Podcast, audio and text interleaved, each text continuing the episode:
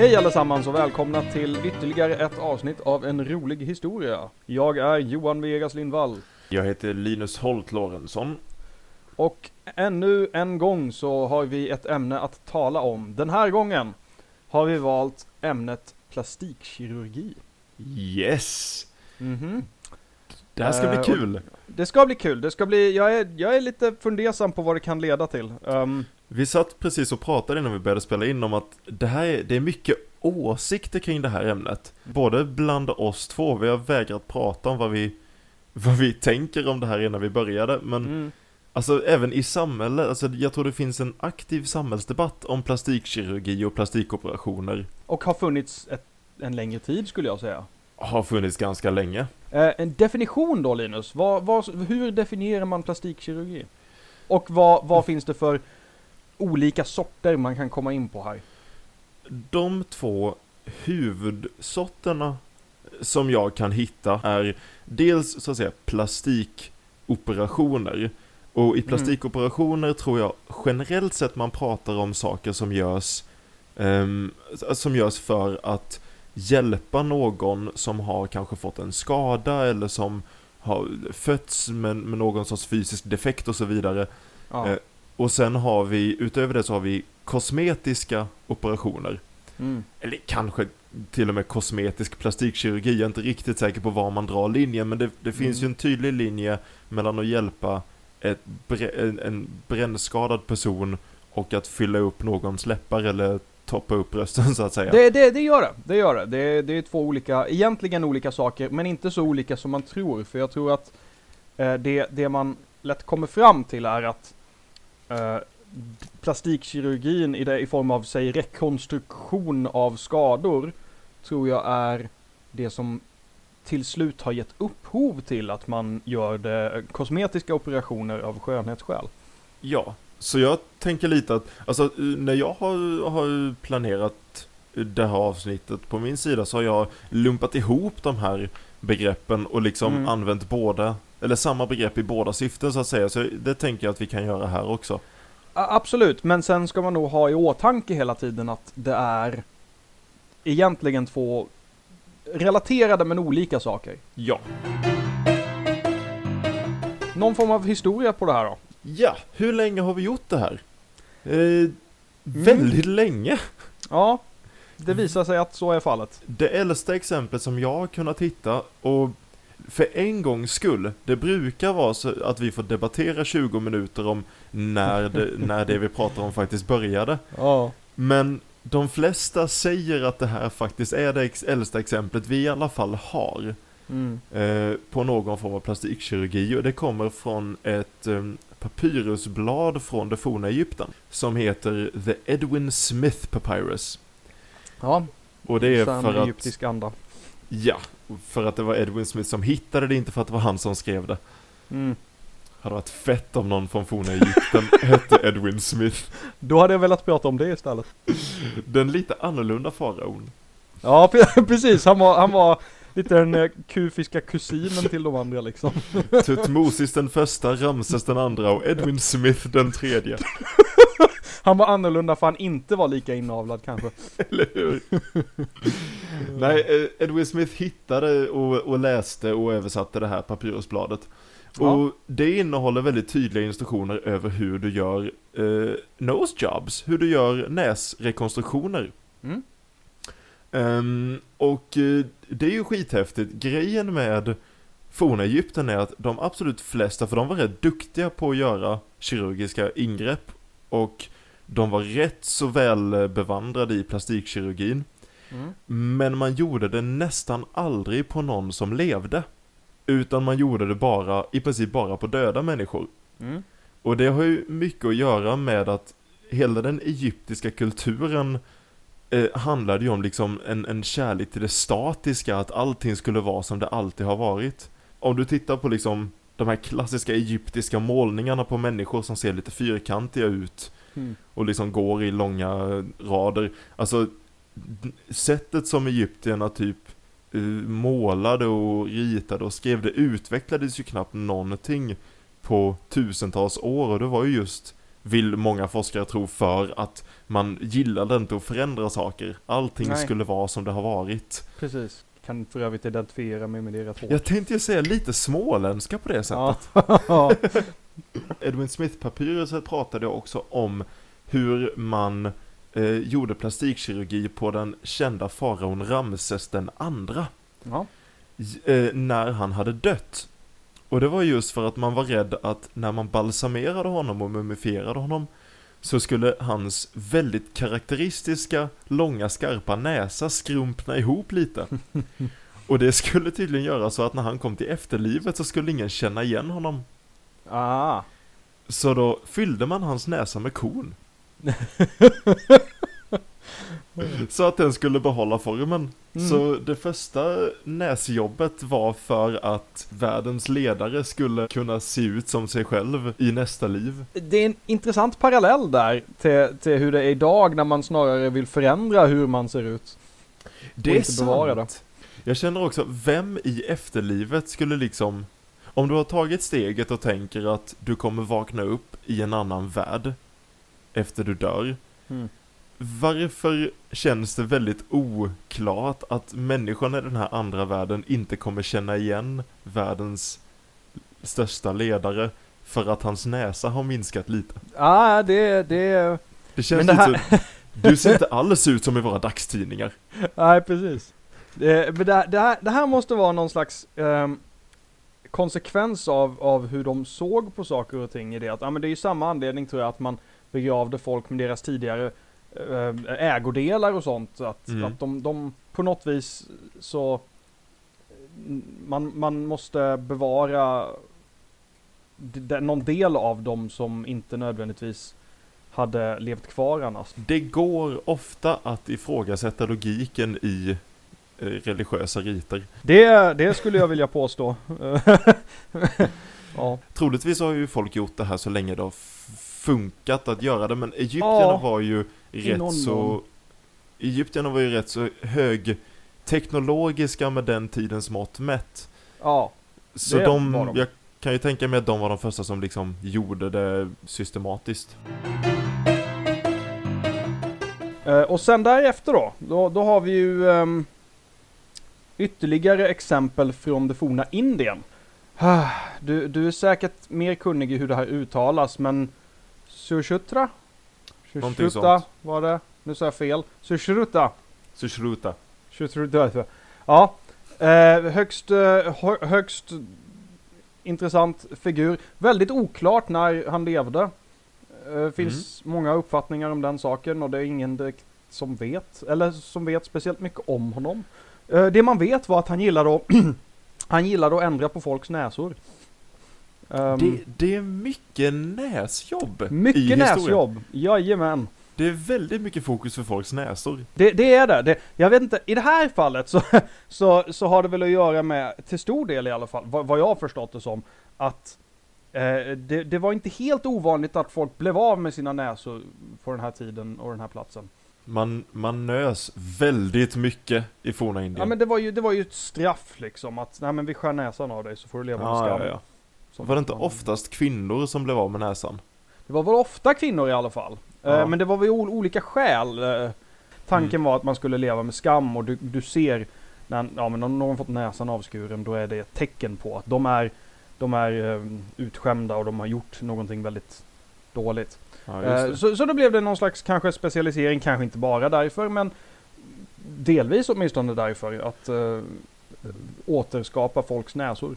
Där kan man ju tänka sig att det säkert var något lite tabubelagt också. Alltså, jag, man kan ju nästan tänka sig att han gjorde det här lite i hemlighet om han ville hjälpa folk att, att bli av med någonting som, var, som såg som ett straff. Ja, och det, det, det kan man ju ifrågasätta liksom huruvida det ens sågs positivt. Han, han var ju väl vad jag förstått uppskattad som en ganska viktig figur som en liksom helare och, och lite Jo, sånt. Men Det är Men ju absolut, han är ju med i, i, eh, i Mahabharata och, och eh, också. Och det, det är ju en av, en av Indiens absolut viktigaste religiösa texter. mm. I och för sig har jag för mig, nu tar jag in det här bara för att skryta med att jag kan lite om indisk mytologi, men jag har för mig att Mahabharata skulle ta typ 400 år att läsa. Ja, För den är så Det- jäkla tjock. det, och det här är ju en av, av indiska, alla indiska skrifter. Alltså det finns ju det finns så äckligt mycket skrivet för, eh, i indisk mytologi och historia och religion. Att bli Det- omnämnd i Mahabharata kanske inte är liksom Wow, du är en av tio.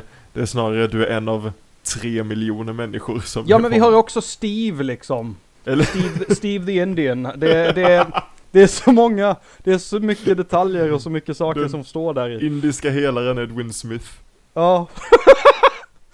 Han, han dök upp överallt. Hur som Men- helst. Ja, men man gillade många människor. Det, jag gillar det, jag gillar den mångfalden i indisk historia. Ja, det ja men finns så är det. alltid det. Det, fler. det präglas av mångfald det landet, det går ej att komma ifrån. Eh, I vilket fall, där har vi ytterligare eh, ett exempel på en väldigt viktig historisk utveckling för just plastikkirurgi. Och jag, det här blir viktigt sen för att den mm, Sushruta kom ju att eh, vara en slags inspirationskälla för många senare eh, människor som fortsatte på det här. Men långt senare. Det här med att eh, dölja ärr och sånt. Det Mm. är ju något som eh, kan kopplas även till romarriket. Ja, För romarriket kommer man ju alltid till när man Mm. pratar om vad man än pratar om Ja, i historia så kommer man i princip till romarriket. ja, Alla vägar leder till Rom. ja det är Eh, lite så. Men i, i Rom så var ju, alltså kroppen var ju sjukt viktig i Rom. Alla Mm. är ju, min bild av Rom är att alla är nakna hela tiden. Ja. Då och då om man ska göra någonting väldigt viktigt politiskt har man på sig en toga men annars är Ja. alla nakna hela Mm. jäkla tiden. Precis. Va, vad jobbigt det måste varit när man var till exempel typ en komiker eller skulle, va, man skulle ha en pjäs eller någonting och sen, och, sen, och sen, man kan inte ens föreställa sig alla nakna för alla är redan nakna. det finns ingenting som underlättar din nervositet. Så, jävla, så jävla jobbigt det måste varit att vara romare i de romerska provinserna i Storbritannien. Måste jag vara naken? Det är fan skitkallt här! Åh, jävlar. Uh. Eh, Ja. Hur som helst. Grejen var att när man, när du var naken, så att man var ju inte naken hela tiden, men du var ju naken för i- om du utövade sport var du naken, badhusen var ju väldigt viktiga som vi har pratat om tidigare avsnitt. Ja. Ehm, och där är man ju naken. Och det blir ju att folk får ju se din kropp mycket mer än du får i, i dagens Sverige. Mm. Så då blev det ju väldigt tydligt om du hade någon typ av defekt, någon typ av ärr. Ja. Och jag tror kroppsidealet var ju väldigt viktigt för romarna också. Du hade ju verkligen en idealisk form av hur en kropp skulle se ut. Så är det.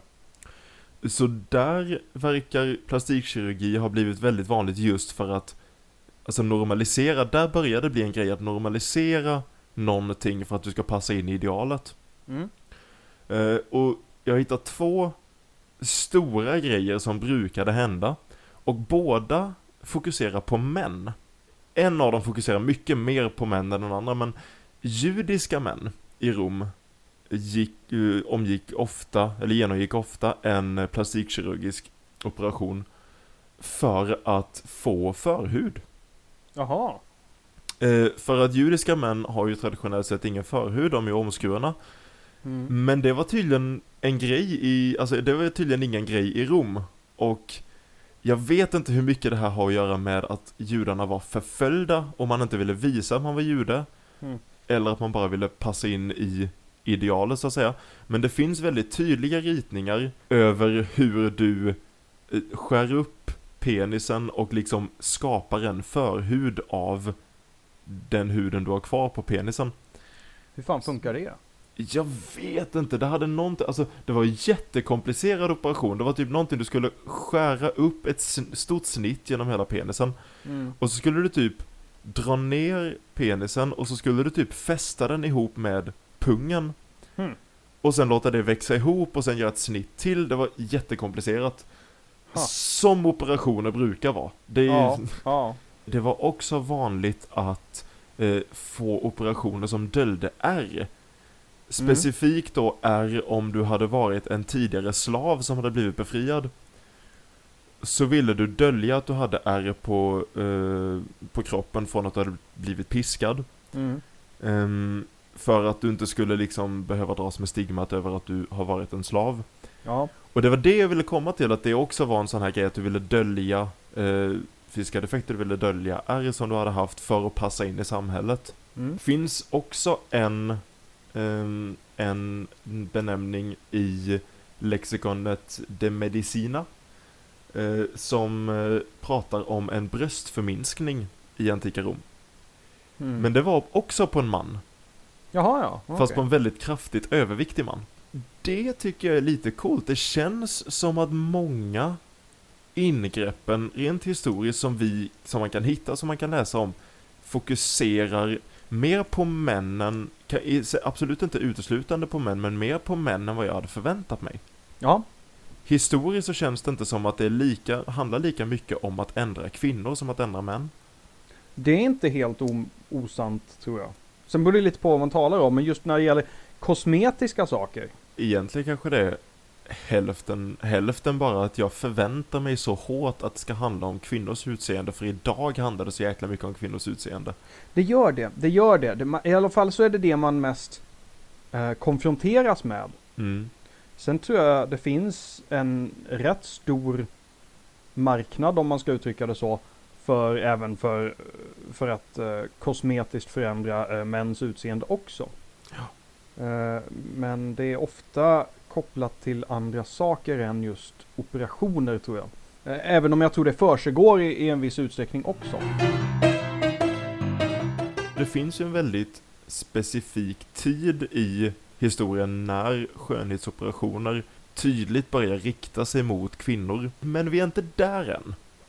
Mm. För innan vi kommer dit så måste vi ta oss igenom medeltiden.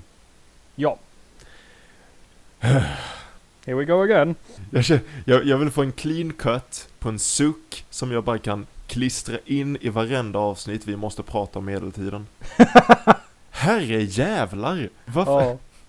På medeltiden, i Europa, för att självklart i Europa, var man tvungen att sluta med plastikoperationer, det gjorde man ju inte, men de ansågs vara hedniska, ja. eftersom Guds verk inte bör ifrågasättas. Och detta gäller inte bara plastikoperationer. Påve Innocentius den tredje förbjöd all form av kirurgi. Han förbjöd operationer överhuvudtaget eftersom han sa att det stred mot kyrkans lag. Ja. Min blindtarm håller på att explodera. Mäh, gud. Be mer.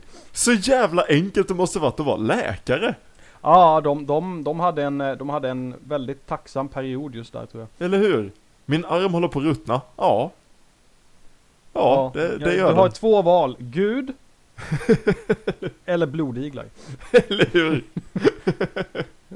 Gud eller blodiglar. Ja, båda två botar allt. Det har ju haft en tabu genom hela historien. I princip hela historien att det här är någonting fult, det här är något dåligt. Även om det blev liksom draget till sin max på, på medeltiden så tror jag alltid det har funnits en sån här känsla av att vi borde inte ändra på folks kroppar och så vidare. Litet så har det ju varit. Och sen har det ju blivit, vad ska man säga, det har ju blivit, um, det gick ju i en lite bättre riktning efter medeltiden också med, med eh, plastikkirurgi i eh, även Europa. Med, på 1500-talet till exempel med den kända eh, italienska eh, eh, individen Gaspare Tagliacozzi. Säg det igen. Ta, eh, nej. I don't wanna. Ehm, ja, eh, i alla fall. Eh, också en ytterligare en individ som, som fortsatte lite på det här eh, spåret eh, ehm, efter en viss medeltida uppehåll om vi vill uttrycka det så. Eh, men som sagt, det, det är ju först framåt Det- 18 och ni, framförallt 1900-talet som det verkligen kommer igång igen. Jag hittade en källa från, eh, eh, Mm. från en annan florentinare som heter Niccolò de Conti, tror jag. Ja, mycket bra. Hur som helst. Gaspare Tagliacozzi är för övrigt från Bologna. Okej. Det är inte Niccolò de Conti. Nej. Eh, han, men han levde också runt den han levde på 1400-talet. Mm. Och han kom i kontakt med plastikkirurgi för att han var en affärsresande tydligen som var runt i eh, Asien ganska mycket. Mm. Och där skriver han eh, i en av sina biografier eller i ett brev eller någonting. Så skriver han att han har blivit erbjuden att eh, köpa sonalier. Hmm. Eh, och sonalier betyder klockor. Men det är inte Ah, riktigt okej, klockor. Det är kulor av guld, silver, koppar och så vidare. som man Mm. opererar in i kroppen. Kan du gissa var någonstans i kroppen man opererar in dem? Jag har ju en tanke om det. Du opererar in den i penisen. Ja, ja. Ja. Som alltid. Mhm. Jag tror vi har ett streak efter vårt avsnitt om porr, tror jag att vi har pratat om penisar i alla avsnitt. Jag tror inte vi har lyckats med att inte nämna det. Det du gjorde med de här sonalierna är att du, du skar upp snoppen. Och så helt enkelt satte du in kulorna och sen så lät du den läka ihop. Mm. Och syftet? Jo, man ville göra det skönare under sex. Du gjorde den lite så här mer följsamt, eh, vad ska man säga, knottrig. Jaha. För att det skulle vara, det, det skulle då göra männen mer attraktiva när de låg med, med folk för att det skulle bli skönare. Åh gud. Åh. Ja, kvinnor vill ha mannen med den eh, mest knottriga penisen, det vet alla.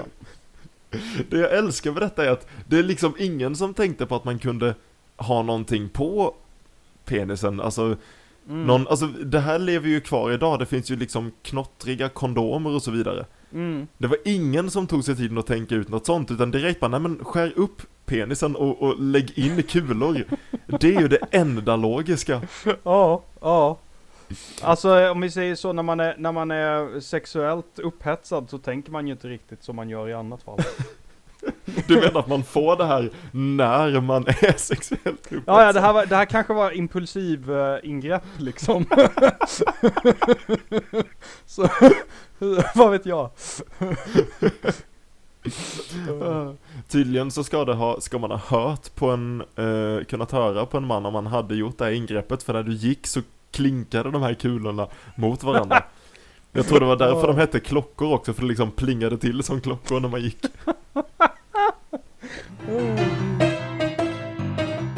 Nästa stora hållplats som jag vill fastna i när det gäller plastikkirurgi eh, är världskrigen. Lite mer, eh, lite, lite mörkare kanske, eh, historia. Så som jag har förstått det så är första och andra världskriget liksom tiden det, i modern historia där människor helt plötsligt fattar att man behöver ta plastikkirurgi på allvar. Alltså det är egentligen redan om man tittar på första, om båda världskrigen kan vi säga. Mm. Men det, det sattes ju på sin spets där med eh, väldigt mycket skador på grund av eh, nya fruktansvärda vapen och diverse sätt att eh, ha ihjäl och eh, m- m- missbilda människor på. Ja, och vi har ju behandlat tanken innan att eh, vill du göra, vill du utveckla något snabbt, gör det användbart i krig. Mm. Och det är ju verkligen så för plastikoperationer, för de blir Ja. ju väldigt, väldigt användbara helt plötsligt. Mm. Eh, just för att du behöver liksom skapa hela, alltså ansikten till folk och bygga upp människor nästan från grunden efter Ja. att de har blivit jätteskadade. Precis. Eh, inte kanske egentligen en rolig grej, men jag hittade en liten anekdot som man kan tycka är kul beroende på hur sjuk humor man har. Men det blev ju väldigt systematiserat under andra världskriget med sjukhus som specialiserade sig på plastikkirurgi. Eh, en av de här sjukhusen var Queen Victoria Hospital, Mm. eh, vars eh, chef under andra världskriget var Archibald McIndoe. Mm. Och han började helt enkelt experimentera på människor. Ja. Inte riktigt på ett liksom Josef Mengele-sätt, utan han försökte ju hjälpa dem, men Mm. alla, under den här tiden, alla medicinska framsteg händer ju lite av att du experimenterar på människor, levande eller döda. Ja. Um, och han gjorde ju, han ville ju se till att man kunde få liksom, alltså näs, eh, ny, en ny näsa eller ett nytt eh, finger, en ny hand. Att du kunde liksom få det att se så bra ut som möjligt. Och han hade eh, ett gäng patienter som han liksom testade saker på. Och de skapade, det var 39 män eh, år 1941 som skapade The Guinea Pig Club. Försökskaninernas klubb. Och det var en dryckesförening. Som handlade om att man skulle hjälpa varandra och liksom hålla modet uppe medan de här experimenten pågick. Aha. Och det är ju egentligen som sagt, det är människor med mörk tragisk humor, till exempel du skrattar ju åt detta.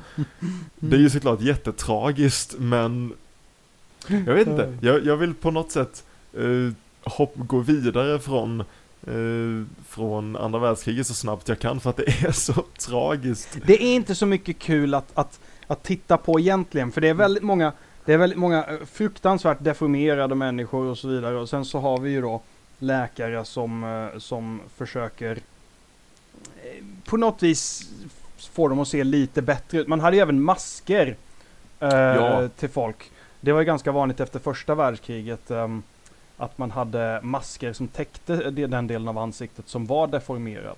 Mm. Eh, ja, och ja, som sagt, väldigt tragiskt, men det hände. Ehm, vi har även så Harold Gills, från en, en läkare från Nya Zeeland som också fortsatte med ja, men, skinntransplantationer och, och, och sånt som, som, Mm. som man gjorde. Men det är inte så mycket kul att säga om det. Men eh, så, så ser det ut i alla fall. Vi får ett väldigt tydligt ändrat fokus när världskrigen tar slut. Mm. Men frågan är om det blir så mycket mindre tragiskt för att Poäng. Så, så fort världskrigen tar slut, då då blir det ju den världen vi känner till idag. Då skiftas Mm. direkt fokus på kvinnor. Mm. Och helt plötsligt så handlar allting om kvinnors kroppar. Ja. Grejen är att alltså lite så har ju kvinnor haft andra ideal. Alltså kroppsidealet för kvinnor har ju inte alltid handlat om Alltså utseende på det sättet som vi tänker idag. Ideal har ju ändrats väldigt mycket eh, genom tiden och det har inte varit på Mm. något vis en stadig utveckling utan det här är någonting som har skiftat väldigt mycket från samhälle till samhälle. Mm. Eh, så om man tittar på olika samhällen så har de väldigt olika bilder av eh, grekerna, de gamla grekerna och romarna var ju väldigt besatta av, av, av hur kroppar skulle se ut för både män och kvinnor och det handlar ju mycket Oh ja. om hälsa och hit och dit. Och sen så finns det andra samhällen där det varit mer eh, att övervikt har varit ett ideal i syfte att kanske visa på välstånd eller, eller vad som helst. Så det har varit väldigt många olika eh, ideal som har funnits genom tiderna eh, egentligen. Det ligger ju alltid något bakom de här idealen. Ja, Och- det, det som kan vara lite läskigt eh, efter, alltså i den, när vi börjar komma in på nutidshistoria är eh, Du vet när vi pratade om blått och rosa i, Mm. i, för massa avsnitt sen och, och kom fram till att det var mycket liksom Det blev blått för killar och rosa för tjejer för att företagen bestämde sig för det typ ja, Det känns lite samma sak här för när andra världskriget tar slut så får USA ett ganska bra uppsving ekonomiskt. Eh, plastikkirurgerna har plötsligt ingen att jobba på för att det är inte så många som dör längre. Men det har samtidigt blivit ett efterfrågat yrke. Och då, då blir det liksom som att de riktar in sig på kvinnor och mm, samhället, det ekonomiska samhället börjar marknadsföra en viss typ av kvinna som sen helt plötsligt alla vill ha och vara. ja, ja, För där ändras ju eh, kroppsidealet och det börjar marknadsföras ett kroppsideal som inte är speciellt normalt, som kräver att du bör ehm, Alltså att du ska operera dig, att du ska ändra dig. Och jag, jag tror att det går lite, det går lite på, på sätt och vis eh, runt i en ond cirkel här för att Mm. Eh, Det skapas ett, ett förhållandevis ganska onaturligt eh, kroppsideal som förstärks i det att man har förmågan att, inte nödvändigtvis uppnå, men att komma nära det och att eh, förstärka vissa delar av det. Eh, exempelvis så har vi ju det här med bröstförstoring och sånt. Mm. Eh, och det gick ju verkligen till överdrift skulle jag vilja påstå. Oh ja. Och, eh, och det är ju någonting som är en, kanske en effekt av att man kan göra det. Eh, och att på grund av att man kan göra det så förändras idealet kontinuerligt eh, i takt med vad man har för förmåga att uppnå det. Mm. Bröstförstoringar och så vidare är ju också ett exempel på hur man har testat saker utan att ha varit säker på dem. Det är ju Mm. många saker man har provat att lägga in i kvinnors bröst för att få dem att bli större. Det har som varit en inte hel del... har varit ehm, så jäkla efterforskat. Jag tänker eh, precis i början där, när man började med det och inte riktigt visste vad man höll på med. Jag undrar vem som går med på det då?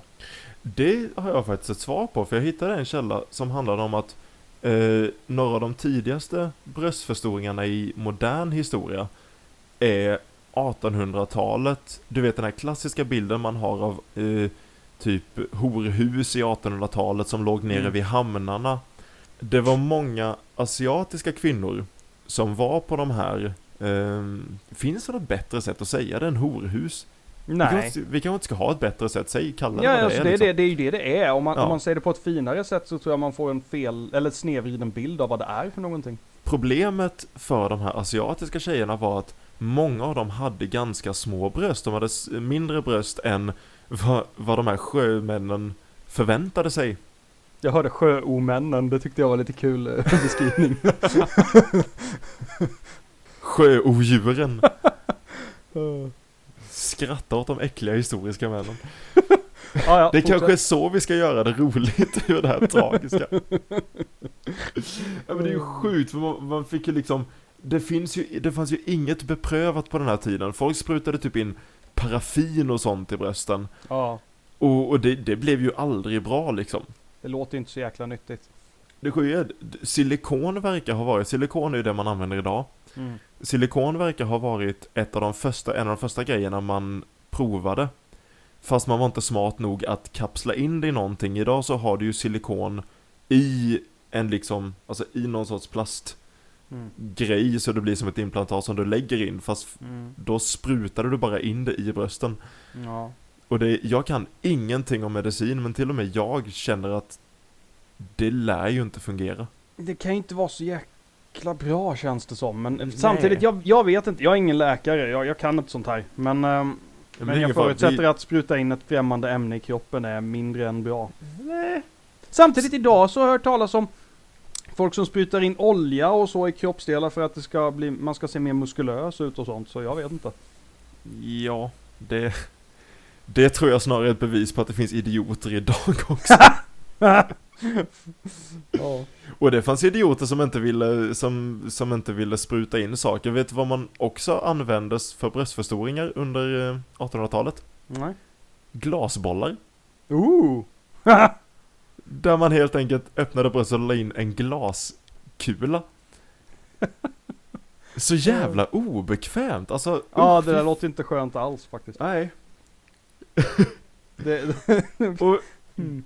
Alltså, grejen är, vi, för några avsnitt sen, eh, så reagerade både du och jag och några av våra lyssnare, bland min fru reagerade på att vi blev ganska mörka i, Ja. i vårt avsnitt och hon påminde oss om att vi, vi kallar oss själva en rolig historia.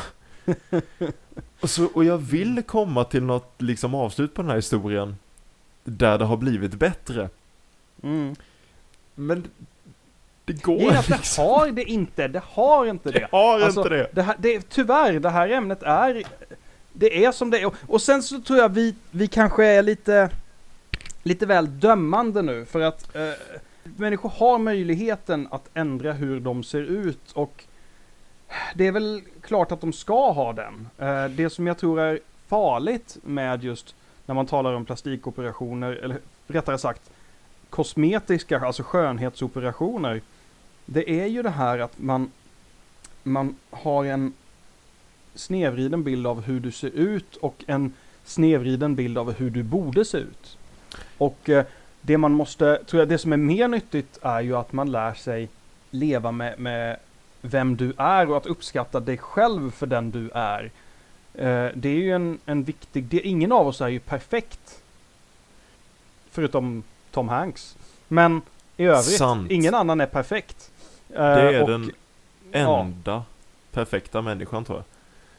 Ja, ja, herregud. Men det, det, det, det förutsätter jag att alla vet om. Men det finns en enkelhet och en tillgänglighet i förmågan att ändra sitt utseende till i princip vad man vill. Sen finns det ju självklart tankar om att det här kan gå fel och hit och dit.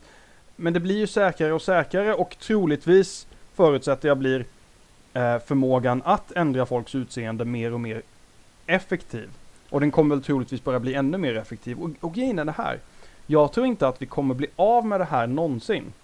Jag tror att vi kommer alltid ha möjligheten att ändra våra utseenden med kirurgiska ingrepp. Mm. Och eh, delvis på grund av skador och sånt som sker, vilket jag anser är väldigt bra Mm. och självklart en nödvändighet. Men sen finns det ju även det här med just att om du kan göra dig själv vackrare och det finns en säkerhet i att du blir alltså vackrare i dina egna ögon och möjligtvis andras och du kan göra det.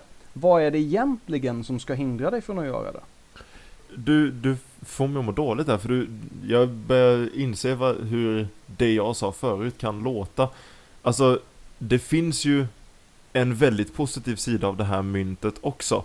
Och det är ju dels att när det gäller att, att människor har skador och att människor liksom, eh, alltså någonting har hänt. Mm. Där är vi ju så sjukt långt fram idag. Alltså Ja. allt det här från eh, alltså de indiska texterna med Shusruta och eh, Mm. alltså genom vad man gjorde med The Guinea Pig Club i andra världskriget. Allt det Mm. har ju gjort att vi befinner oss någonstans idag där du kan hjälpa människor på ett sätt som ingen har kunnat bli hjälpt genom historien. ja, Och det är ju bara fantastiskt. precis. Och sen Mm. även när det bara gäller kosmetiska eh, ingrepp vill jag göra det väldigt tydligt, så jag tror du var inne på också, att vi vill verkligen inte vara dömande. Jag känner lite, vill man göra en förändring vad den är, alltså vare sig det är bröstförstoring eller bröstförminskning eller alltså ändra på, ett, få ett, ett sjätte finger på högerhanden för att spela bättre gitarr. Mm. I don't care, alltså så länge man vill göra någonting så tycker jag det är fantastiskt att man kan göra det. Det är det. Problematiken det, ja. ligger i att det finns ett tvång för vissa människor, det finns ett onaturligt kroppsideal som gör att Mm. jag tror att många människor mår sämre än de behöver göra över sina, sitt fysiska utseende. Precis, precis. Och det, det är ju ett jätteproblem i samhället tror jag. Och det, det är någonting som tyvärr kosmetiska operationer, att ha möjligheten att genomföra dem, inte hjälper på ett enda sätt. Eller hur? Eh, eh, Då är det ju bättre att försöka hitta ett sätt att uppskatta dig själv för den du är istället. Men äh, det är inte så jäkla lätt alltså. Det är så lätt att vara dömande och det borde man inte vara för att Nej. Eh, ja, jag har ju tusen, tusen osäkerheter kring mitt eget utseende också. Om det hade varit så enkelt som att bara knäppa med fingrarna och så ser jag ut på ett annat sätt. Är det väldigt troligt att jag tro- hade gjort det om det hade varit så enkelt. Och Ja. snart kanske det är det. Ja, det kanske vi har framtiden. Ja men precis, och där kommer vi in på någonting intressant just. Ja men hur tror, du vi kom, hur tror vi det kommer se ut i framtiden med det här?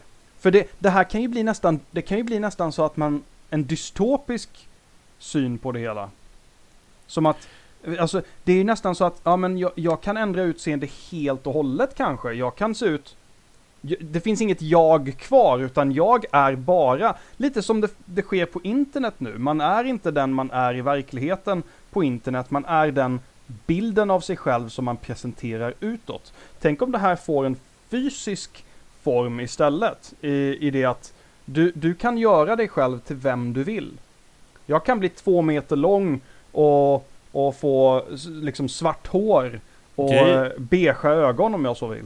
Grejen är att du, du försöker, jag vet inte varför du försöker avsluta det här avsnittet med någon dystopisk skräckhistoria. Men jag, jag, du försöker få det att låta jätteläskigt. Det enda jag sitter och tänker nu, fan jag kan äntligen få ett helskägg. Jag är så pepp, jag är så med! Ja, jag precis. skiter i om du är två meter lång, jag vill ha, jag vill ha fullt skägg på, på sidorna av mitt ansikte. Ja, Det ja. här är så, oh, jag blir glad nu. Men, vet du vad, vad, vad, vad baksidan på det här är? Vadå? Det är inte du. Äh, potato, det, är, potato. det, men det är just det. Det är inte du. För att det, det, det, det är en ny version av dig. Men, men just det här, alltså, när det går för långt så att det kan ifrågasätta jaget Ve, liksom. vet, du det- vad jag, vet du vad jag också tänkte säga? Jag var Jaha. så beredd på att säga detta för jag, jag, jag ville säga den här meningen till dig för Mm. fem minuter sedan. vet du vad jag gillar Johan? Vadå? Att vi har kommit in i, i någon sorts tradition i den här podden av att vi diskuterar ett ämne, gärna ett problematiskt ämne, Mm. eh, och så går vi fram och tillbaka. Sen i slutet av avsnittet håller du en monolog där du liksom berättar där du, där du ger din syn på saken som är sjukt rationell och ofta ganska positiv. Och så kan vi avsluta på ett glatt sätt. Ja, ja. Och du gjorde det! Men sen fortsatte du, jag var så redo att säga den här meningen. Sen fortsätter du och börjar prata om någon dystopisk jäkla framtid där du är två meter lång, har beigea ögon och ingen är sig själv. Ja, välkommen till min, mitt huvud. Eh, Mm. Det, Lyssna inte på allt, Johan. allt det positiva är en lögn. om tio år kan alla ha ett fint helskägg. Och det kommer vara en bättre värld. Tack för att ni har lyssnat, kära, kära lyssnare. Vill ni höra av er så finns vi som alltid på eh, all over internet. Eh, Instagram, Facebook eller en rolig historia hotmail.com. All musik kommer från låten Wagon Wheel av Kevin MacLeod. Ha det bra allihopa, syns vi i framtiden. Mm. Mm. Ja, hejdå! Hej då!